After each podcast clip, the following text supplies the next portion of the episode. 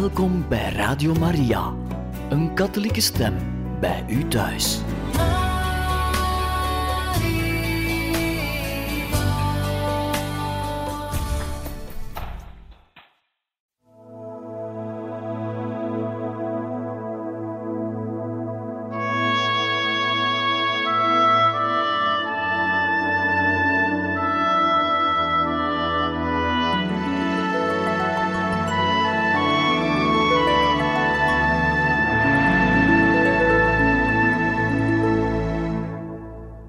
Beste luisteraars van Radio Maria, welkom in het programma Heiligen Getuigen.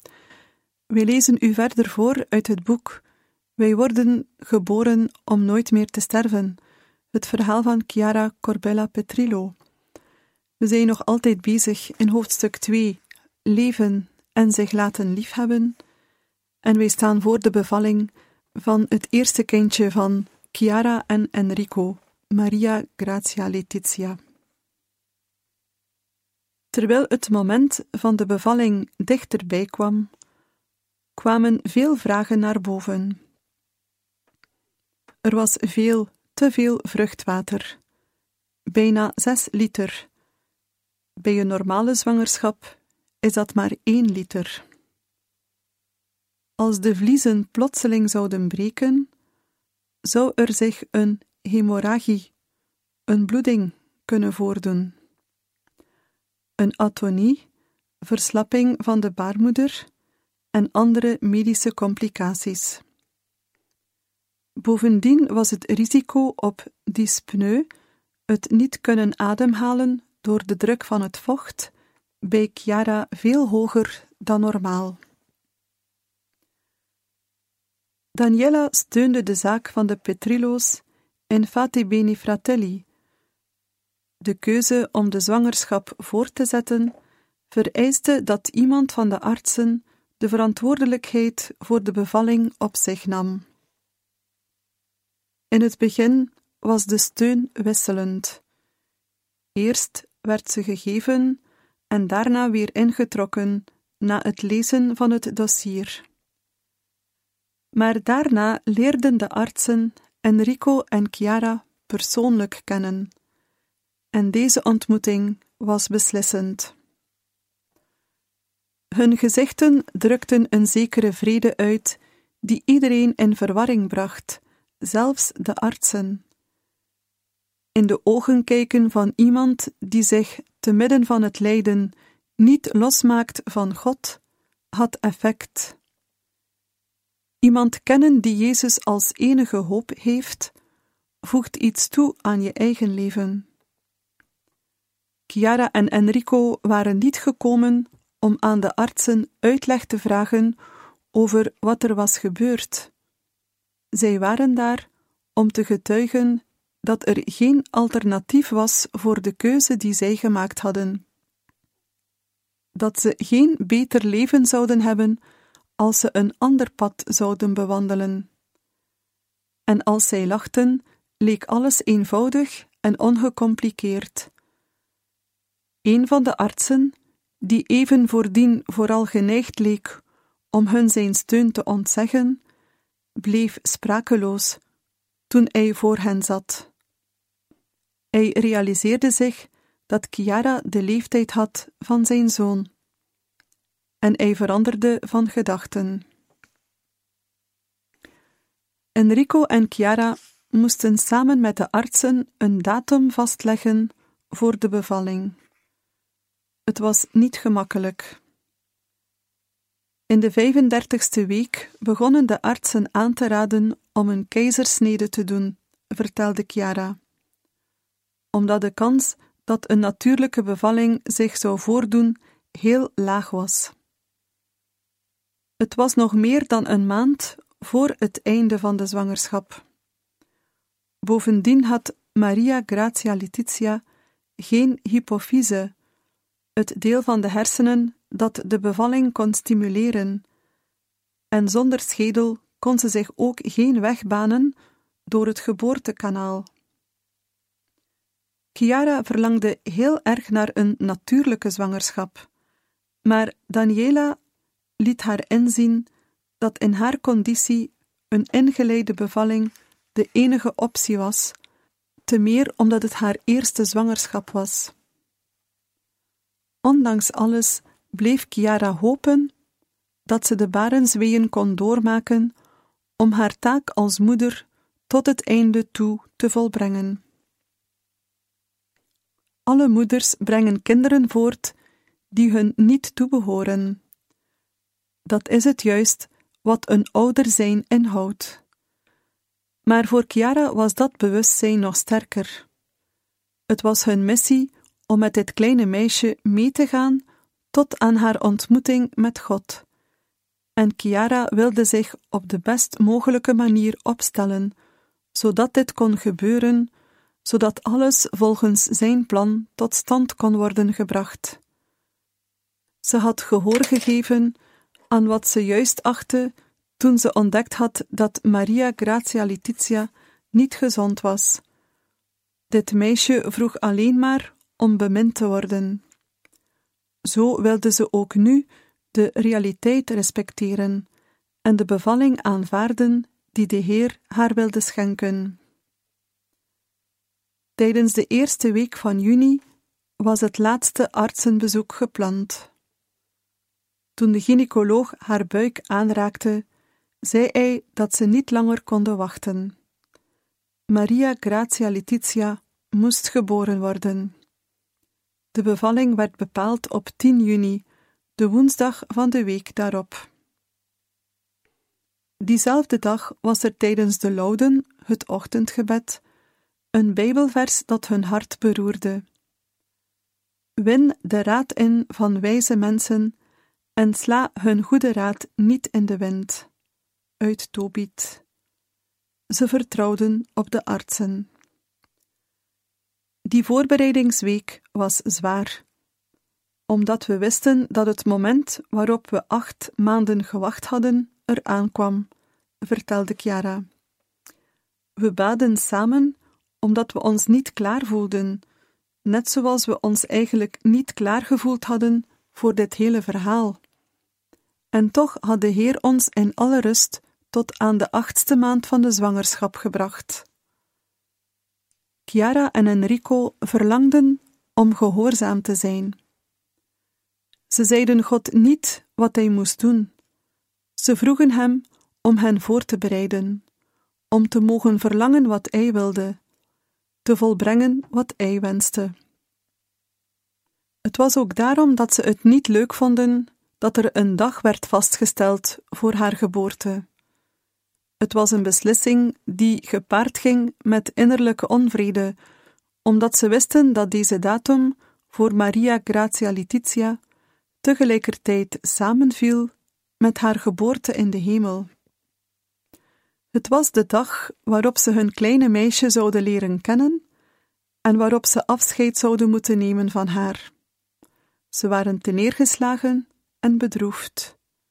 Was het aan hen om zo'n belangrijke beslissing te nemen? Een paar dagen later kon Chiara door haar immense buik niet deelnemen aan de mis op zondag. Ze vond het jammer en richtte een gebed tot God. Even later rinkelde de telefoon. Het was Pater Vito. Chiara, ik ben net terug uit New York en ik ben in Rome. Kan ik de mis komen celebreren bij jou thuis? Aan de vooravond van de bevalling hoorden wij elkaar aan de telefoon. De volgende dag wilden we hen opzoeken in het ziekenhuis, maar we waren bang dat het ongepast zou zijn. Pater Vito wilde er ook bij zijn, maar ook hij had zijn twijfels. Toen hebben we besloten om met ons drieën vanuit Assisi naar Rome te gaan om onze aanwezigheid te laten voelen, ook al zouden we hen misschien storen. De volgende ochtend pikten wij Pater Vito op bij zijn klooster en vertrokken naar Rome. Op 10 juni, de dag waarop de ziekenhuisopname was gepland, voelde Chiara weeën opkomen. Ze had er de avond voordien niet veel aandacht aan besteed. Ze dacht dat het kleine pijntjes waren, geen echte weeën die aan een bevalling voorafgaan. En toch waren het bevallingsweeën. Toen ze op controlebezoek ging, vroeg de dokter haar of ze pijn gehad had tijdens de week. Ze antwoordde van wel. De dokter keek Daniela verbaasd aan. Chiara had al zes centimeter ontsluiting en de bevalling was veel dichterbij dan gedacht. Ook Daniela, die naast Enrico stond, voelde dat dit een concreet teken was en dat God zijn deel deed. Terwijl we onderweg waren, bracht Enrico ons op de hoogte van de situatie. Hij zei ons dat Chiara zich aan het voorbereiden was op de bevalling en dat de artsen nu overeengekomen waren dat oxytocine niet nodig was om de geboorte in te leiden. Ze waren bereid om verder te gaan met een natuurlijke bevalling. Het was nieuws dat veel vrede bracht, omdat het bevestigde dat de Heer zelf die dag had uitgekozen voor Maria Grazia Letizia. Toen we aankwamen in het ziekenhuis, was het meisje nog niet geboren. Buiten wachten een paar familieleden en vrienden haar op.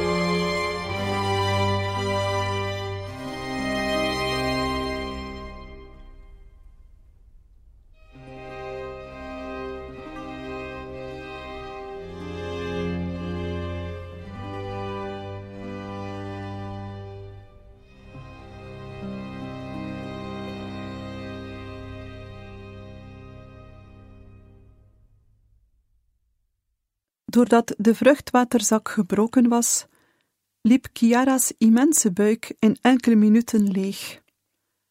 Enrico en Chiara hadden tegen Daniela gezegd dat Pater Vito misschien al buiten stond, klaar om het meisje te dopen. Daniela vond hem in de wachtruimte. Nadat ze zich kort aan hem had voorgesteld, gaf ze hem een blauw schort en nodigde hem uit haar te volgen.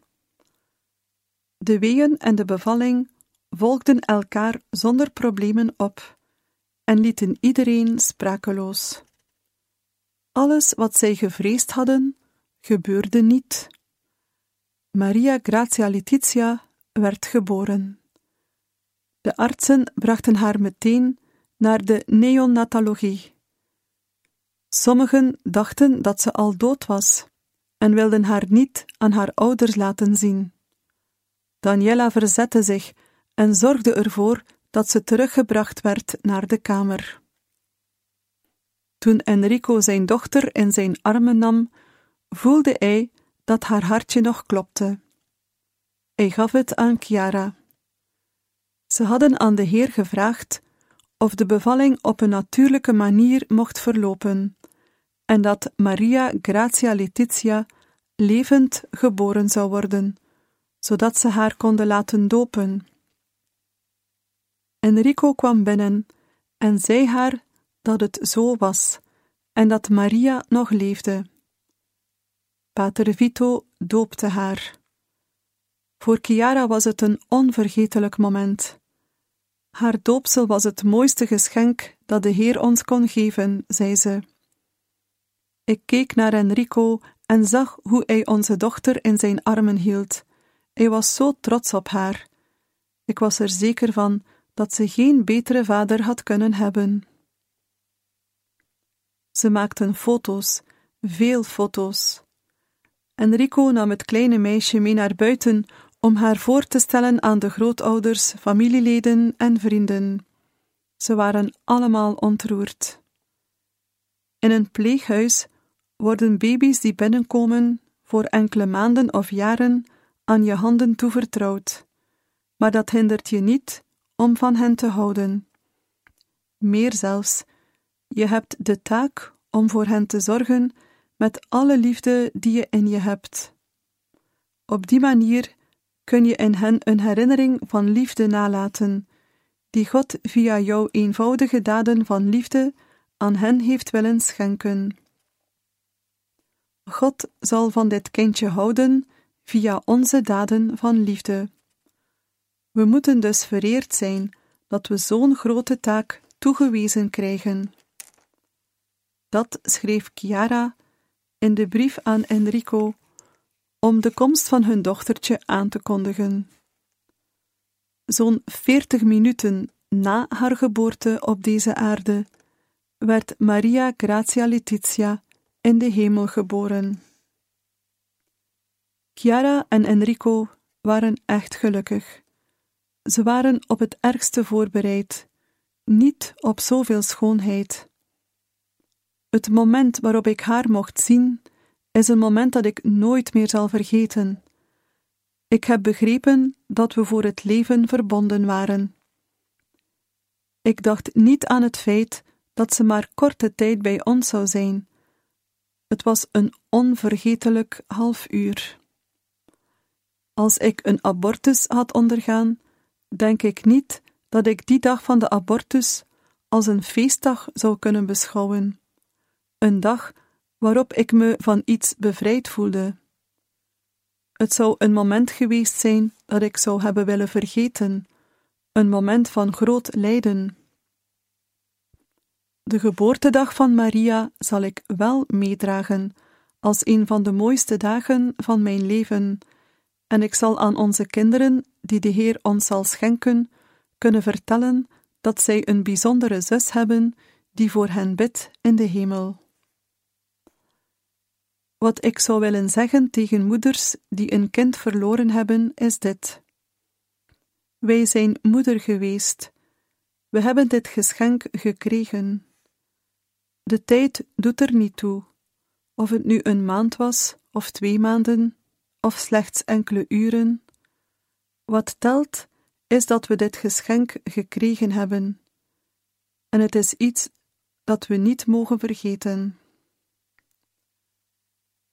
Het was moeilijk om de verwarring van het medisch personeel op orde te krijgen. Ze waren allemaal door elkaar geschud. Ze werden op de proef gesteld.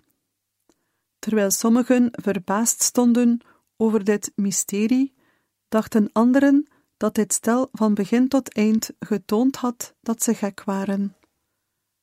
Maar alle beslissingen die de anderen niet deelden, hadden Enrico en Chiara samengenomen. En dat had hen op een heel bijzondere manier verenigd. Voor hen waren er geen alternatieven. Dit was het enige pad dat God hun gevraagd had om te bewandelen. Ze moesten alleen maar vertrouwen op Hem om Zijn genade te mogen ervaren. De Heer vroeg ons om ons geloof niet te verliezen, vertelde Enrico. En zo was het. Net zoals het destijds ook gebeurd was met de apostel Petrus. Even later droeg Enrico Maria Grazia Letizia naar het mortuarium. We gingen naar Chiara. Ze zag er heel goed uit. Het leek niet alsof ze net bevallen was. Ze was zo fris als de dageraad. Er rolden een paar traantjes, maar dat was van ontroering.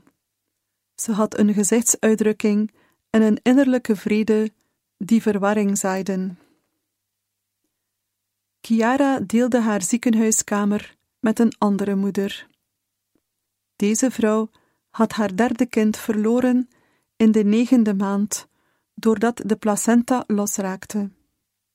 Ze was stil, ze zei geen woord. Chiara had ons fluisterend over haar situatie verteld en ons gevraagd om voor die vrouw te bidden. Die nacht had ze met haar gesproken. Op de dag dat de vrouw het ziekenhuis mocht verlaten, bedankte ze de zaalarts, niet zozeer voor de hulpverlening, maar omdat ze haar op de kamer hadden gelegd. Met dat meisje dat mij geholpen heeft om de dood van mijn kindje te aanvaarden. Nauwelijks twee dagen later, op 12 juni, werd Maria Grazia Letizia begraven. Wie gedacht had Enrico en Chiara verdrietig op de eerste kerkbanken te zien zitten, had zich vergist. Ze stonden aan de zijkant, waar het koor zat, en ze speelden muziek. Hij speelde gitaar, zij viool. En ze zongen, gekleed in het wit. Het was verbijsterend om hen zo te zien. Tijdens de voorbeden stond Chiara op en ging naar de lezenaar. Ze dankte iedereen die hen via gebeden ondersteund en bijgestaan had. Ze sprak over hun verwondering over al die liefde die uit ieders hart voortvloeide, dankzij hun kleine dochter. Ze bad voor alle aanwezigen, opdat de Heer hen op deze aarde al honderdvoudig zou belonen. Het was een prachtig feest in een serene sfeer. Er was niet zoveel volk in de kerk. Veel mensen waren niet gekomen, omdat ze niet wisten wat ze moesten zeggen. Ze hebben een unieke kans voorbij laten gaan om te zien dat de hemel hier op aarde kan bestaan. Wie erbij was tijdens de viering, beleefde een moment van eeuwigheid. Het was een heel sterke ervaring, een bewijs als het ware dat het paradijs echt bestaat. Iedereen was ontroerd. Enrico en Chiara waren blij, samen met hun familie, tussen hun tranen door. In zijn homilie verwees Pater Vito, die ook nu aanwezig was, naar de brandende braamstruik, naar een liefde die brandt, maar niet verzwakt. Chiara en Enrico hadden zichzelf en hun verwachtingen opzij gezet om plaats te maken voor God, omdat een geschenk van God een geschenk van God is, en daar kom je niet aan. We definiëren ons niet als mensen omdat we werk hebben, een huis, een goede gezondheid, een reputatie. Wij zijn mensen omdat we lief hebben. Maria Grazia Letizia was al klaar. Ze had alles beleefd wat nodig was.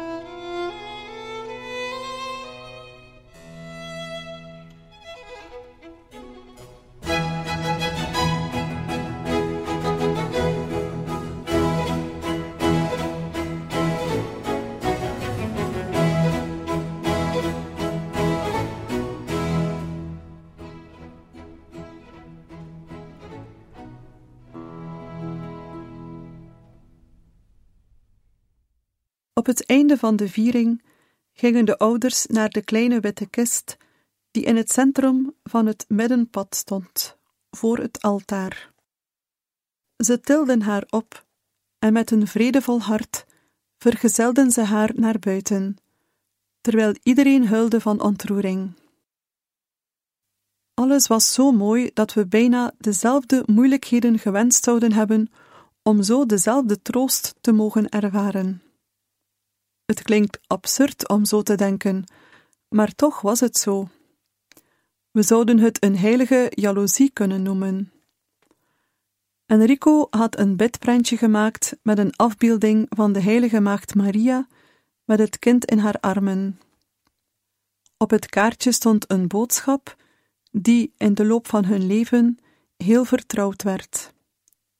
Maar op dat moment hoorden we het voor de eerste keer.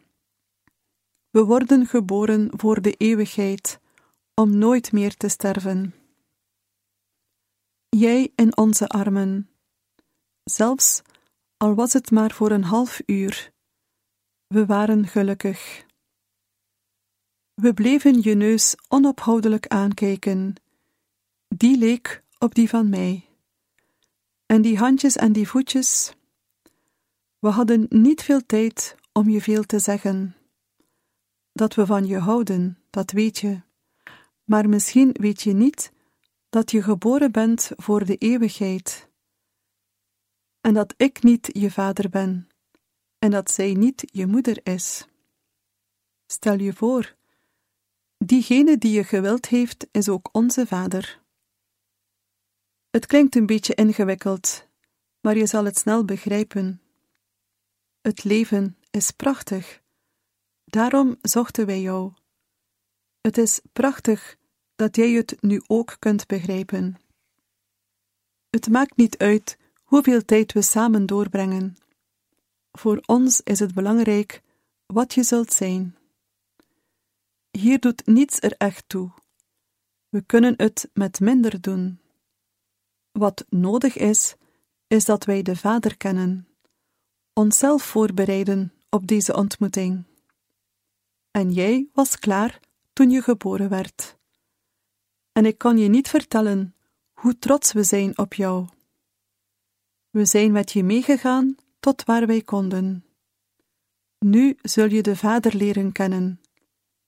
Maria Gratia Letizia, de vreugde van ons leven papa Enrico en mama Chiara.